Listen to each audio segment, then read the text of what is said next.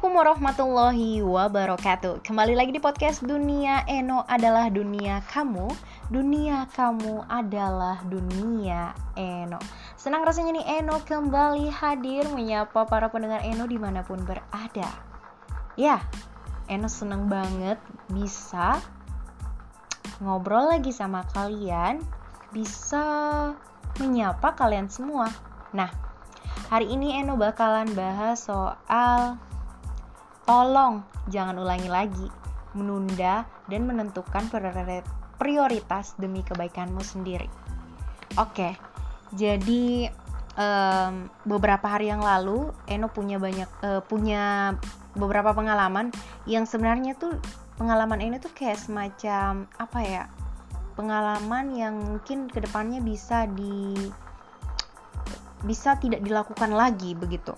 Jadi Uh, jadi gini guys, jadi gini guys. Oke, sudah kata-kata jadi gini ya guys, sobat cerdas. Um, banyak hal yang yang menghambat kesuksesan kita itu karena menunda. Dan musuh terbesar saat ini yang harus Eno dan mungkin teman-teman yang lain itu adalah menunda. Nah, ini Eno nih menunda soal HP. Ya, jadi pada saat itu HP Eno tuh kerusakannya sedikit banget sih.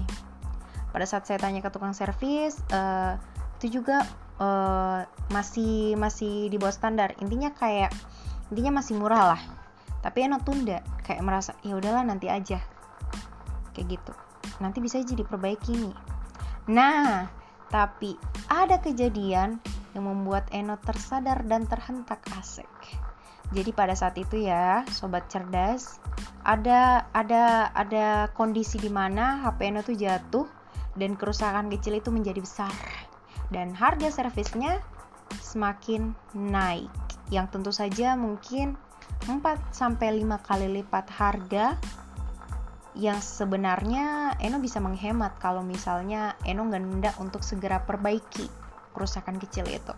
Sama dengan diri sebenarnya.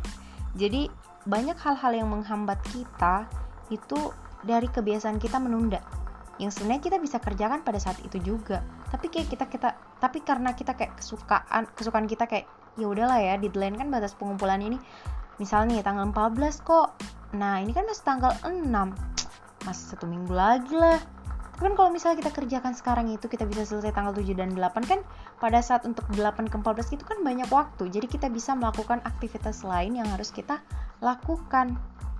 Jadi kalau misalnya kebiasaan diri yang sering kita tunda itu itu salah satu penghambat banget. Penghambat kesuksesan terus lagi penghambat kebaikan-kebaikan kayak misal nunda sholat juga. Itu kan kalau misalnya sholat kita on time kan itu Allah seneng itu karena kita kan minta ke Allah. Kita kita minta ke Allah. Sama dengan kayak misalnya kita datang ke sekolah kita on time. Guru seneng kan? Kayak gitu juga. Kita ibadah juga kayak gitu. Kalau misalnya kita on time pasti Allah seneng. Bayangkan aja kalau Allah sudah senang itu gimana ke kita? Pasti Allah selalu memberikan keberkahan rahmatnya ke kita. Orang aja ya yang enggak apa ya namanya yang yang di dunia ini gitu nggak melakukan kebaikan apa. Allah Allah itu tetap memberikan yang terbaik begitu buat dia. Tapi kan itu bisa masuk ke istidraj kita tidak bahas yang itu. Oke lewati. Nah e, ada lagi hal-hal lain yang yang memang Eno sadari. Jadi bukan cuma pengalaman ini. Ini juga tamparan keras banget sih buat Eno dan sobat cerdas di mana pun berada. E, dulu juga Eno itu pernah beberapa kali lolos interview kerja dengan e, benefit yang e, luar biasa dengan yang kemudian juga uh, reward yang wow amazing. Intinya lolos lolos berkas lolos wawancara. Tapi karena uh, keteledoran Eno yang membuat Eno nggak sampai ke finish. Ada juga hal-hal yang sebenarnya Eno bisa kerjakan pada saat itu dan mungkin keberhasilannya bakalan lebih besar begitu ketimbang kalau Eno uh, ngelakuinnya pada hari yang uh, Eno mau tunda kayak gitu. Itu pasti bisa lebih baik begitu dan pada saat kita sudah menunda menunda menunda dan pada saat kita mendapatkan kegagalan kita akan mengutuk diri sendiri dan akan merasakan penyesalan yang teramat dalam.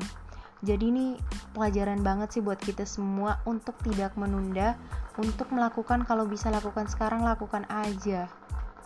Dan semoga sobat cerdas semua dan Eno bisa um, bisa apa ya namanya bisa lebih baik gitu dan bisa lebih on time.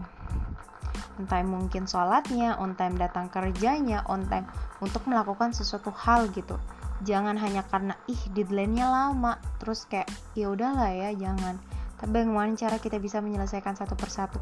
Hal-hal ini akan memudahkan kita dan tentunya kita bakal sukses uh, dengan baik. Kan kesuksesan juga itu versinya masing-masing ya kayak punya uh, pandangan sukses itu masing-masing gitu.